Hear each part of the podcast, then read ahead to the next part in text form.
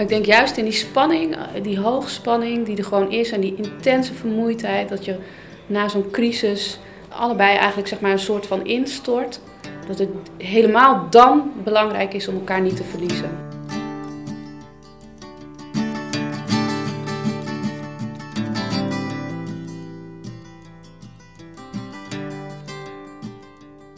Vandaag spreken we met Iris van der Meer.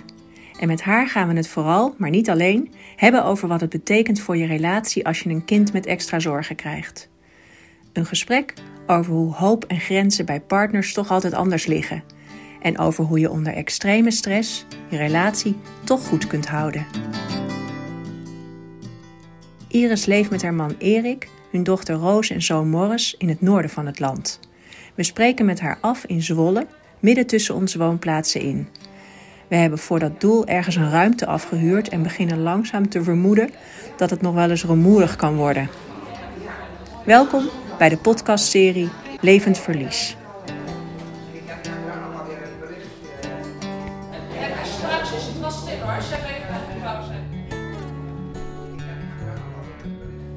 Ik ben Edith Raap. Ik geef les in ouderbegeleiding aan de Hogeschool Utrecht en doe promotieonderzoek naar levend verlies. Ik ben Minke Verdonk. Ik ben moeder van een zoon met een lichamelijke beperking en ouderbegeleider. En ik ben Irene Sies. Onder de naam Gewoon Irene blog ik over de alledaagse dingen in mijn leven als moeder van vier kinderen. We maken samen een podcast over levend verlies. We voeren gesprekken met ouders, naasten en zorgverleners. Levend verlies. Steeds terugkerende gevoelens van verlies, verdriet en rouw van ouders met een kind met een beperking of chronische aandoening.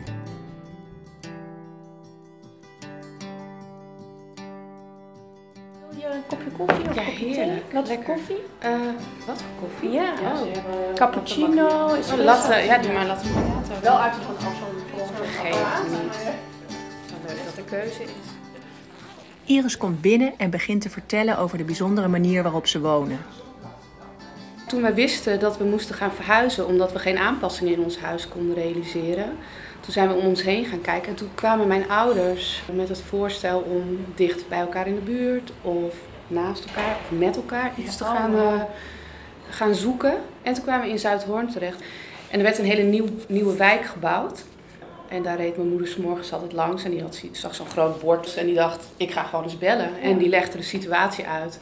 We zoeken iets eh, waarbij we of naast elkaar of met elkaar of, en het moet eh, aangepast kunnen worden. Gaan jullie ook zoiets bouwen? En toen zei die eh, projectontwikkelaar, nou toevallig zijn we bezig met levensloopwoningen. En toen hebben we in 2015 eh, een 201 kap gekocht. Mijn ouders de ene helft, wij de andere helft. Ja, nu wonen we dus sinds 2015 naast elkaar. Dat is heel bijzonder. Ja. We hebben heel lang getwijfeld over een tussendeur. Uiteindelijk is die er gekomen en dat is nu heel fijn. Want juist op de momenten dat Roos bijvoorbeeld naar het ziekenhuis moet of hè, de crisis even weer hoog is. Ja, en ze gooien de deur open. Morris kan gewoon in zijn eigen bed slapen. Met zijn eigen speelgoed, in zijn eigen huis Ja, met zijn vrienden geweldig. spelen. En mijn ouders zitten gewoon op hun bank. En eh, ja. ja, het is echt uniek. En het kan.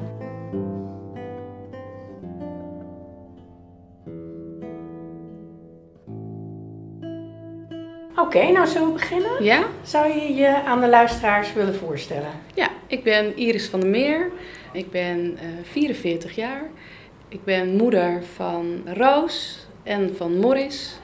En bonusmoeder van Jasmijn. Getrouwd met Erik sinds 2011. Tien dagen voordat Roos werd geboren. En Roos die is ogenschijnlijk gezond geboren. Maar die werd in 2013, kreeg ze momenten dat ze wegviel. Ook qua ontwikkeling begon ze wel wat eh, meer ja, opvallendheden te tonen. Wat vertraagd, wat meer in zichzelf gekeerd. En uiteindelijk is ze gediagnosticeerd met het syndroom van Lennox-Gastaut. Ze bleek epilepsie te hebben, ernstige vorm van epilepsie.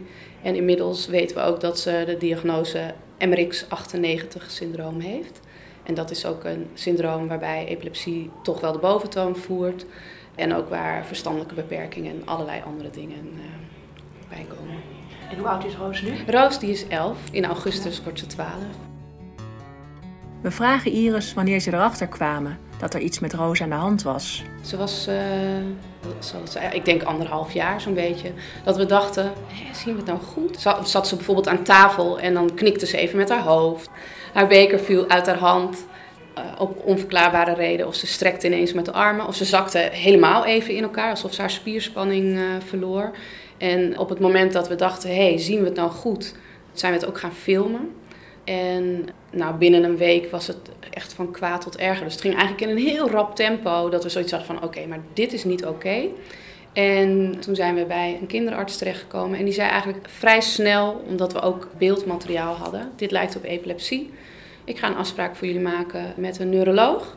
Nou, en die afspraak hebben we niet eens gehaald, want ze had op een gegeven moment echt honderden tot nou, duizenden uh, van die schokjes aanvallen per dag. En uh, we raakten Roos helemaal kwijt. Was gewoon niet meer het blije meisje. Was meer een soort zombie. Sliep veel, helemaal in zichzelf gekeerd. En toen hebben we weer contact opgenomen met het ziekenhuis. En toen werd eigenlijk dezelfde dag al gezegd van... dit is epilepsie, gaan met medicatie starten. Ja. En, en hoe was dat voor jullie? Want dat lijkt me ook... Nou, toen denk ik nog niet eens zo heel erg. Ja, wel erg omdat je natuurlijk hoort van je kind heeft epilepsie. Maar eigenlijk wist ik zelf nog heel weinig van epilepsie. Had ik nog goede hoop. Oh, maar daar kan je prima oud mee worden. En medicijnen kunnen dat eh, onderdrukken. En dan kan je nog prima naar school en, dan, en je goed ontwikkelen. En uh, dan kan je eigenlijk alles. Inmiddels weet ik beter. Ik denk dat het op dat moment voor ons beiden nog een beetje onwerkelijk ook was. Roos werd opgenomen en bleek continu epileptische activiteit in haar hersenen te hebben. Op sommige dagen heel heftig. Roos heeft heel veel noodmedicatie gekregen, maar niets hielp echt. Ze gaan nu zo min mogelijk naar het ziekenhuis, omdat dat iedereen ontregelt. Inmiddels hebben ze zoveel kennis, hulp en apparatuur dat ze thuis goed voor Roos kunnen zorgen. Maar dat klinkt wel als een uh, enorm traject van dit gaan we voor elkaar krijgen met medicatie, tot aan medicatie gaat haar niet eens meer helpen. Ja. En kan je daar wat over vertellen hoe dat door de jaren heen voor jullie als ouders is geweest? Ja, ik denk dat je in het begin, als je, als je kind ziek wordt, dan ga je heel erg uit van de artsen, van de professionals. En je laat je daar ook heel erg door leiden. Op een gegeven moment word je zelf ervaringsdeskundige op bepaalde vlakken. Nou ja, wij op het vlak van roos haar epilepsie, niet op het vlak van medicatie natuurlijk. Daar zijn de, de neurologen voor. Maar we hebben wel gezien, ze heeft zo ontzettend veel medicijnen gebruikt door de jaren heen. En uh, elke keer zien we een terugkerend patroon. Een medicijn uh, wordt gegeven, het wordt opgebouwd. Uiteindelijk moet ze een dosis krijgen, net iets boven de voorgeschreven dosis uit de bijsluiter. Want ja, het is zo heftig. En het lijkt dan ongeveer vier weken tot drie maanden iets te doen. Dat we denken, hé, hey, oh, misschien zien we toch een kleine verbetering. Oh, ze lijkt iets helderder. Oh, toch misschien een, een minimale afname van de aanvallen. En daarna is het zijn we weer terug bij af. Dus medicijnen werken niet meer voor haar. In het begin hoop je natuurlijk, hè, uh, je laat je leiden. Dus ze zeggen, nou, er is een ander medicijn wat we kunnen proberen. Nou, dat heeft ook geresulteerd dat ze op een gegeven moment vijf, zes verschillende soorten antiepileptica gebruikten compleet gedrogeerd was. Maar goed, ja, je moet wat. Totdat we op een gegeven moment zeiden van, nou laten we eens wat gaan afbouwen. En toen dus een heel ander kind zagen, minder gedrogeerd. Nog wel de epilepsie, maar minder gedrogeerd, dus meer roos. En die ervaring maakte dat we uiteindelijk eigenlijk alles zijn gaan afbouwen. En ook huiveriger. Want ja, gaat dit nieuwe medicijn wel werken? ze heeft zoveel verschillende medicijnen inmiddels geprobeerd. Gaat het haar iets brengen? Het klinkt als een heel onderzoekend proces. Hè? Van ja, wat, dat is het ook. En hoe was dat voor jullie? Want ik kan me ook voorstellen dat je steeds ook hoop hebt. Ja. En dat, ja wat, dat... Dus wat gebeurde er bij jou en wat gebeurde er bij je man, dit hele proces? Um, nou ja, wat je zegt, je hebt altijd, uh, helemaal in het begin, heel erg die hoop. Dan is de klap heel hard als blijkt dat iets niet werkt, zeg maar. Dus dan is de teleurstelling echt heel groot. Je hebt ook het stukje hoop als je ziet dat ze even oké is en dat ze vervolgens weer terug bij af is. Dat is ook, hè, daar werd ik gewoon echt wel letterlijk ziek van. Als ze bijvoorbeeld een week aanvalsvrij was en die eerste aanval kwam weer, dan was ik helemaal kapot. Dan uh, was ik echt uh, emotioneel of echt een fakes. echt ja, niet prettig. En het is niet zo dat ik helemaal zonder hoop ben, maar ik verwacht gewoon niks meer. Want dan word je ook niet zo snel teleurgesteld. Dus het is een meer een beetje eerst zien en dan geloven. En ik denk dat je wennen is niet het goede woord, want uh, je krijgt nog steeds met nieuwe dingen te maken. Maar ik denk dat je het makkelijker naast je neer kunt, nee, niet naast je neer kunt leggen. Dat je er minder lang bij stilstaat. Dat is het misschien. Snap je wat ik bedoel? Mm. Ja. Is het meer je leven geworden? Ja, dat denk ik wel. Van, het, het is zoals het is. Mm. En waar je in het begin, hè, dat zie ik ook wel. Ik blog natuurlijk, dus ik heb heel veel contact ook met, uh, met ouders die net in die gekke wereld terechtkomen. Het is natuurlijk een hele gekke wereld. En dan zie ik dat ze allemaal, met name als hun kind nog heel jong is, echt nog wel die hoop hebben. Van ja, maar als een kind nog zo jong is, dan kan er nog zoveel in die ontwikkeling gebeuren. Dat heb ik ook gehad. En dat weet ik inmiddels van oké, het is nu meer met de dag. En we zijn al blij als Roos gewoon een goede dag heeft. En we kijken niet meer naar voren. En we hopen niet meer op nou als ze nog maar kan gaan lopen. Of op een gegeven moment weet je, jonge kinderen ontwikkelen zich hè, sowieso heel snel. En op een gegeven moment dan uh, neemt dat wat, of neemt dat niet af, maar gaat het anders. Je ziet die ontwikkeling zie je anders uh, verlopen. Dat zie ik bij Morris ook. Het zijn allemaal van die mijlpalen. Hij leert lopen, hij leert praten, hij, hij gaat naar school, hij, uh, hij heeft zijn zwemdiploma.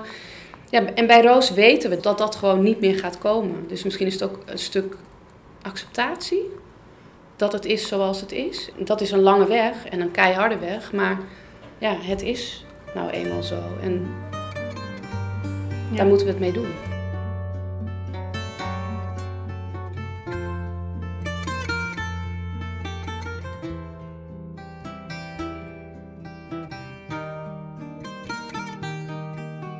Nog even terug naar wat je zei over wat jouw manier van reageren was als er dan hoop weer vervloog, zeg maar. Was dat anders bij, bij jouw man? Ja, ik denk Erik die werd vooral heel uh, stil. Enerzijds, dus hij trok zich wat meer terug als de hoop vervlogen was. Kon ook wel heel verdrietig zijn daarom, maar uitte dat uh, op een andere manier. Ja, wat ik zeg. Of hij ging zich juist helemaal vastbijten in iets anders. Dus dan ging hij uh, op internet zoeken CBD-olie. Hup, hij beet zich er helemaal in vast en gaat dan contacten zoeken met mensen in Amerika en dingen vragen. Um, legt dan ook die vragen neer bij de neuroloog en wetenschappelijke artikelen stuurt hij dan door. Dus hij bijt zich op die manier dan helemaal erin vast. Dat is denk ik wel het verschil tussen hem en mij. Ik uh, leg me erbij neer, misschien. En hij uh, bijt zich dan in iets nieuws vast. Terwijl hij ook wel heel reëel is, van ja, weet je, het is zoals het is. Maar toch, misschien heeft hij iets meer hoop nog. Dat er ergens een behandeling is. Dan naar de term levend verlies. Ja. Wat zegt dat begrip jou? Voordat wij met Roos in de gekke wereld van een zorgintensief kind terechtkwamen, toen wist ik er niks van. Totdat ik, denk ik, toen Roos een jaar of vier was, een lezing zag online van uh, Manu Kiersen. En dat ik dacht, hè? Oké, maar dit is dus wat wij ook... Uh, nou, het was een feest der herkenning, zeg maar. En wat dus, herkende je dan? Nou, dat het verdriet niet overgaat, eh, dat dat blijft, dat het op de stomste momenten bovenkomt. Waar wij al toen inmiddels een paar jaar in die wereld zaten. En ik me soms nog heel erg verdrietig kon maken over bepaalde dingen. Of ineens overvallen werd door verdriet. Dat is het meer. Dat ik ineens overvallen werd door verdriet bijvoorbeeld als ze jarig was. Of, uh, en dat ik dacht, hoe kan dat toch? En nou ja, toen hoorde ik over levend verliezen. Toen dacht ik, oh, oké. Het heeft een naam. En uh, het is ook eigenlijk heel logisch dat het zo blijft. Want je levert voortdurend iets in. Of je loopt tegen dingen aan. Want dus voordat je die term hoorde, ervaarde je al die gevoelens. Ja. Maar voelde het meer als dat ze niet oké waren of dat ze niet... Jawel, ze voelden wel als, alsof ze oké waren, maar ik vond het soms wel lastig dat ik dacht van... waarom uh, duurt het zo lang? Want we zitten nu al een paar jaar in die wereld. Waarom ben ik nog zo verdrietig over bepaalde dingen? Dat meer, ja. En toen ineens, toen ik dat hoorde, dacht ik, oh... En niet dat ik dacht dat ik gek was of zo, maar, maar wel, het was wel een stukje erkenning of herkenning. Oh ja, en het ook wat hij toen, die uitspraak zal ik ook nooit vergeten. En dat hij daar in die lezing vertelde van, maar je hoeft de handicap niet te accepteren. Je accepteert je kind, maar die handicap, die nou ja, ben je liever kwijt dan rijk natuurlijk. Dus en dat ik dacht, ja, ja, dat is zo inderdaad. Ja. ja. Maar er zit wel een, in jouw verhaal ook een acceptatie. He, want je, je vertelde over dat je nu minder verwacht. He, er zit ook een soort van dit is mijn leven. Ja. Dus kan je daar nog meer over vertellen? Want dat begrip acceptatie, dat is een heel lastig begrip eigenlijk. En ja, daar staat ook iedereen ja. wat anders onder. Maar wat heb je dan wel geaccepteerd? Ik, ik accepteer dat het is zoals het is. En daar kan ik niks aan veranderen. Dus het is zo. En ik kan heel lang blijven vechten tegen het feit dat Roos epilepsie heeft. Ik kan heel lang blijven vechten met mezelf en met mijn eigen gevoelens. Tegen het feit dat het uh, mega lang duurt om soms hulpmiddelen rond te krijgen. Ik kan me daar heel druk over gaan maken. Maar inmiddels weet ik dat dat, dat mij zelf zoveel energie kost. En dat is energie die ik liever gewoon in Roos steek, in Morris steek, in het leven steek, in mezelf steek. Of in mijn relatie. Dus dat heb ik geaccepteerd. Het is zoals het is. Dus misschien blijf ik gewoon minder lang, maak ik me minder lang druk over dingen. Ik kan sneller een knop omzetten. Oké, het is nu even heel rot of nog erger. Maar ik kan er nu even niks aan veranderen. Dus ik parkeer, of ik parkeer dingen of ik leg me erbij neer. Hoe denk je dat het voor jouw man is? Want je zei, ja, die heeft soms nog wat meer hoop. Dus die legt zich dan minder neer bij. Nee. Dat is toch anders? Nee, ik denk dat hij er op zich wel hetzelfde in staat. Maar het is meer op medisch vlak dat hij daar nog. Hij kan zich denk ik niet erbij neerleggen dat er niets is wat haar zou kunnen helpen. Dus helemaal met de wetenschap die zich in zo'n rap tempo ontwikkelt. Dus ja, op het moment dat er weer een nieuw wetenschappelijk onderzoek ligt, zegt hij: ja, maar dit ligt er. Misschien is dat iets voor Roos, of misschien kunnen we daar iets mee voor Roos. En dan ben ik degene die dan zegt: ja, oké, het is heel mooi dat dat er ligt. Dat vind ik ook oprecht. Maar ik ben dan ook zo reëel of misschien nuchter, ik weet het niet. Dat ik zeg: Oké, dit ligt er nu, maar dit is net uitgezocht, zeg maar. En nu krijg je nog zo'n hele ontwikkeling van dat ze een medicijn erop moeten maken, dat het goedgekeurd moet worden. Dus, en dat duurt jaren, zo'n proces. Dus ik, ik denk niet dat Roos daar nog wat aan gaat hebben. Dat is misschien heel pessimistisch of heel nuchter, dat weet ik niet. Maar, of, of een stukje zelfbescherming, dat kan ook, dat je niet die teleurstelling krijgt dat is dan voor de generatie na Roos. Dan hoop ik dat die er wat aan hebben.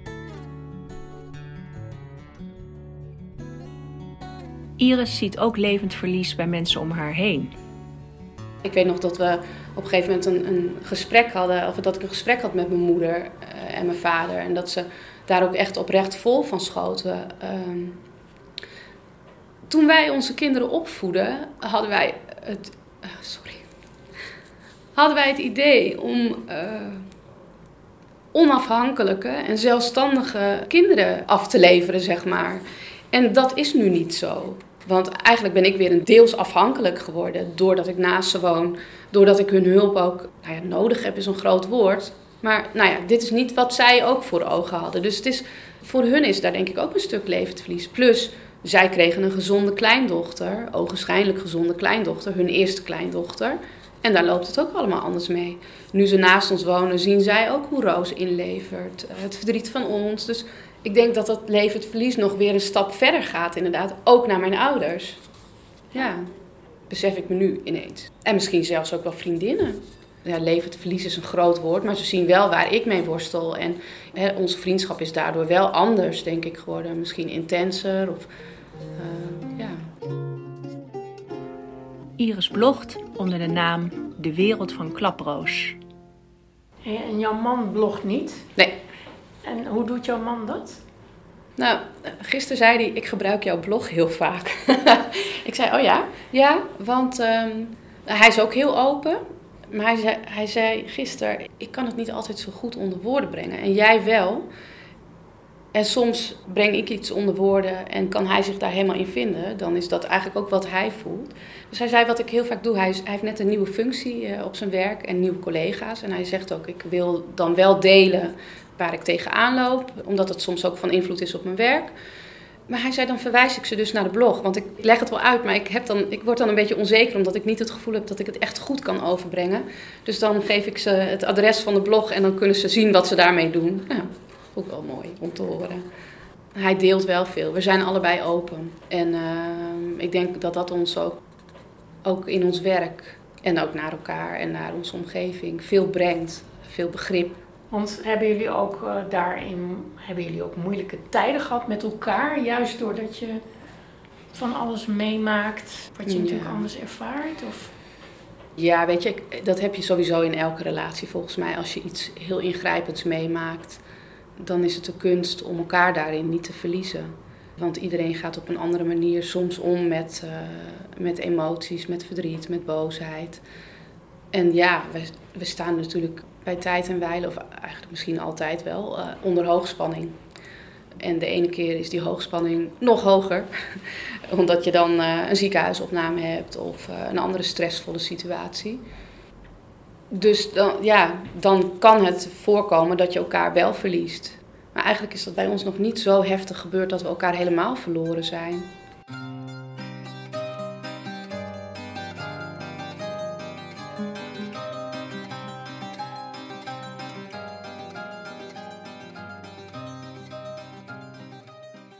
Maar ik weet nog die eerste eh, jaren, als iemand dan tegen mij zei: Ja, je moet wel leuke dingen met elkaar blijven doen. Dat ik alleen maar dacht: Ja, hoe dan? Hoe dan? Dat kan helemaal niet. Maar daar moet je ook zelf voor zorgen. Dus je moet zorgen dat je een goed vangnet hebt. Dat je het niet alleen doet, want je hoeft het niet alleen te doen. Je kunt, uh, in ons geval in ieder geval, ik moet natuurlijk voorzichtig zijn met uitspraken, maar wij hebben, Roos heeft een PGB, op den duur hebben we een team van PGB'ers om haar heen gevormd. Uh, wat maakt dat we ook weer ruimte hebben voor onszelf. We konden niet anders we moesten wel, wilden we zelf ook overeind blijven staan. Dus stap voor stap, wel een proces. Je moet er denk ik ook aan toe zijn. En ik kan me voorstellen dat je, je moet er aan toe zijn dat dat ook verschillend is tussen jullie. Uh, ja. Hoe doe je dat dan? Nou, daar hebben we soms, uh, ja, nou ja, soms hebben we daar echt hele, hele dikke knallende ruzies over.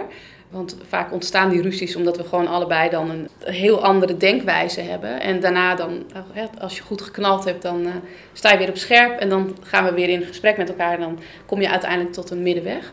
Kan je een voorbeeld noemen? Ja, um, nou, bijvoorbeeld het logeren. Ik weet nog wel dat Erik veel eerder zei, ik wil dat Roos gaat logeren. Maar ik had zoiets, nu al, ze is nog maar vier. En, uh, of ze was toen zelfs drie. Nee, en, en en dan zijn wij thuis met Morris en we brengen Roos weg. En nou, dat voelt zo gek. Dat, nee. Terwijl hij zoiets had van, ja, maar dat geeft ons rust. Ik heb het wel nodig. Nou ja, uiteindelijk zijn we tot de middenweg gekomen. Dat we eerst samen gingen kijken. En, en dat we zoiets hadden, nou oké, eerst maar eens één dag in de maand. Kijken hoe dat gaat en uiteindelijk het uitbreiden. Maar dat zijn ook allemaal stappen waar je de tijd voor moet nemen. En met elkaar over in gesprek moet gaan. We vragen Iris wat er nodig is om elkaar als partners niet te verliezen. Het zijn juist de momenten dat je allebei zo intens moe bent. Eh, dat, dat je de zorg als zo zwaar ervaart. Bijvoorbeeld na een lange ziekenhuisopname, waarbij je uh, allebei uh, puur op overleving zeg maar, daardoor komt. En dat ook heel goed doet. Maar op het moment dat je dan in een rustige vaarwater komt, je allebei zo intens moe bent, en dat Erik op een gegeven moment wel, wel heeft gezegd. In, in 2019 bijvoorbeeld heeft Roos langdurig opgenomen gelegen in het ziekenhuis. Het was echt een tropenjaar qua zorg, zeg maar. Tot de IC aan toe. Dus veel heftige dingen, nieuwe dingen ook. En daarna toen raakte zowel Erik als ik eigenlijk in een soort burn-out. Waarbij je minder van elkaar kunt hebben, minder van je omgeving kunt hebben, minder in zijn geheel kunt hebben. En dat Erik op een gegeven moment zei: ehm, We moeten nu op zoek naar een eh, woonplek voor Roos. En dat ik zei: Hoezo? Ja, want ik trek dit niet meer. En dat ik dacht: Oké, maar nu hebben we dus dan echt een heel groot verschil. Want ik word misselijk als ik eraan denk dat Roos nu al uit huis zou moeten. Ja, maar ik ben er ook nog, zei hij. En ik trek het niet meer op deze manier. En toen dat was wel een moment dat we echt, dat de spanning gigantisch opliep. En dat we zo ver uiteen lagen. Maar dat het ook achteraf gezien, want toevallig hadden we het er vorige week over, van wat maakt dan dat Roos nu nog steeds thuis is, terwijl jij voor twee jaar, drie jaar terug riep van we moeten nu een woonplek zoeken voor haar. En dat hij ook zei van ja, maar nu gaat het weer goed met mij. Ik heb nu weer meer rust. Ik denk ook daarin, ondanks dat we zo uiteenliepen en ik misselijk werd van het idee en hij zoiets had van ja, maar ik trek het zo niet meer, ik kan dit niet meer. Dat we door met elkaar in gesprek te gaan en ook begrip te hebben. Want ik snapte hem ook. Ik snapte ook dat hij het niet meer trok. Want ik voelde die vermoeidheid ook. Maar ik voelde niet dat Roos uit huis moest. Want daar werd ik niet goed van bij het idee. Dat je ook daarin dan toch gaat zoeken naar oplossingen. En ook daarin begrip hebt voor de ander. Dus niet zegt van ja, je wilt haar gewoon kwijt. Of uh, ik ben het er niet mee eens, punt. Maar dat je toch in gesprek blijft gaan. Het lijkt net alsof we heel veel praten, Erik en ik. Het valt in de praktijk best wel mee. Maar maar over dit soort dingen, ja, dan toch wel. Ja. En wat hebben we toen gedaan? Volgens mij hebben we toen inderdaad haar meer laten logeren. Of misschien meer PGB ingekocht. Oh, dat was ook nog. Op een gegeven moment zei ik dus, dat was toen. Misschien moeten we de zorg thuis meer uit handen gaan geven. Want ik, ik zie nog niet dat zij nu uit huis gaat. Sowieso uh, lijkt het ook van, oh ja, uh, we gaan uh, vandaag besluiten we, ze gaat uit huis. Nou, ik weet gewoon, in de praktijk werkt dat helemaal niet zo, want je hebt niet zomaar een plek voor haar doelgroep. Dus dat probeerde ik hem ook duidelijk te maken. Ik zei, maar dan moeten we kijken wat we nu kunnen oplossen, zodat die zorg minder zwaar wordt. Dat zou kunnen betekenen dat we thuis meer zorg gaan inkopen. Dus dat we meer PGB'ers over de vloer hebben gedurende de week of in de weekenden nu ook, want dat hadden we toen nog niet. Waarop hij zei van, ja, dan lever je nog meer van je privacy in. Dat klopt, maar de andere kant is dat ze dan dus... Ja, jij zegt, ze moet uit huis, nou, er is geen plek, ik wil dat nog niet. Dus dan moet je een tussenoplossing... Uh, en, en, wat je nu probeert, dat kan je ook nog weer terugdraaien. Je kunt altijd het proberen en als het niet bevalt, dan draai je het weer terug. Dus toen hebben we meer zorg ingekocht en dat beviel. Nou, dus ze woont nog thuis. ja. ja. Iris wil nog iets aanvullen. We hadden het er ook over, over het geoliede team. Zo van, ja, maar als je een team bent, je bent natuurlijk niet alleen een team in de zorg voor je kind, want daar kun je een heel goed team in zijn. Maar we zijn ook nog man en vrouw van elkaar, eh, geliefden. En nou ja, hoe zorg je ervoor dat je daar ook nog oog voor hebt? Dus dat je niet alleen maar dat geoliede team bent, wat eigenlijk volledig langs elkaar heen als broer en zus verder leeft, maar ook nog gewoon een, uh, een stel is. En toen, ja, daar zeiden we van dat het is belangrijk om te kijken of je ergens die ruimte kunt scheppen. Uh, dat je wel uh, nou, dingen met elkaar kunt blijven doen. En dat kunnen ook hele kleine dingen zijn. Gewoon s'avonds op de bank een film kijken. Of nou, de ander is verrassen met een ontbijtje op bed. Of weet ik veel. Hele kleine dingen, daar kan het al in zitten. Als, als de mogelijkheid er niet is om het grootste te doen, om een weekend weg te gaan. Maar ook elkaar de ruimte te geven. Dus als ik een keer een wijntje wil drinken met vriendinnen, dat dat ook mogelijk is. En andersom ook, als hij een keer uh, op de motor weg wil, dat dat ook mogelijk is. We vragen haar welke tekst ze heeft voor het tegeltje. Uh, Erik en ik hadden het er gisteren in bed over. Ik zei, oh, dan moet ik iets verzinnen voor het tegeltje. Wat, moet ik nou, wat zou je er nou op kunnen zetten?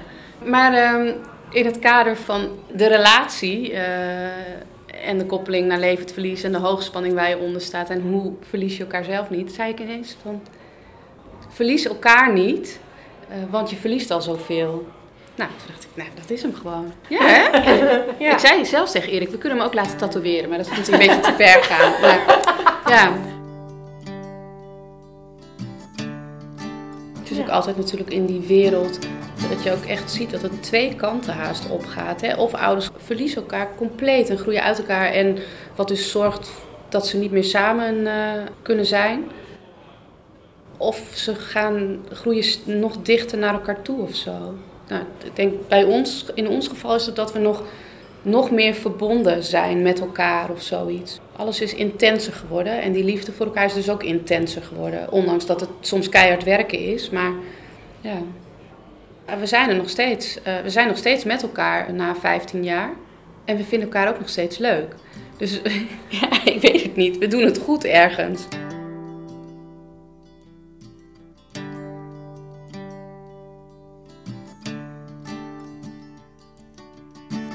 Dit was een gesprek met Iris van der Meer, aflevering 35 in de podcastserie Levend Verlies. Volgende keer spreken we met Ilja Soffer over politiek en beleid en levend verlies. Ilja is directeur van Iederin, een vereniging die de belangen behartigt van 2 miljoen mensen met een chronische ziekte of beperking. Ilja is ook moeder van een zoon met een verstandelijke beperking. Bedankt voor het luisteren en tot de volgende keer. Leuk als je een waardering achterlaat, zodat andere mensen ons ook kunnen vinden. Elke twee maanden op de laatste zondag van de maand een gesprek over levend verlies. Abonneer je op onze podcast en kijk ook eens op onze website levend-verlies.nl. We zijn ook te vinden op Facebook en Instagram. Bedankt voor het luisteren.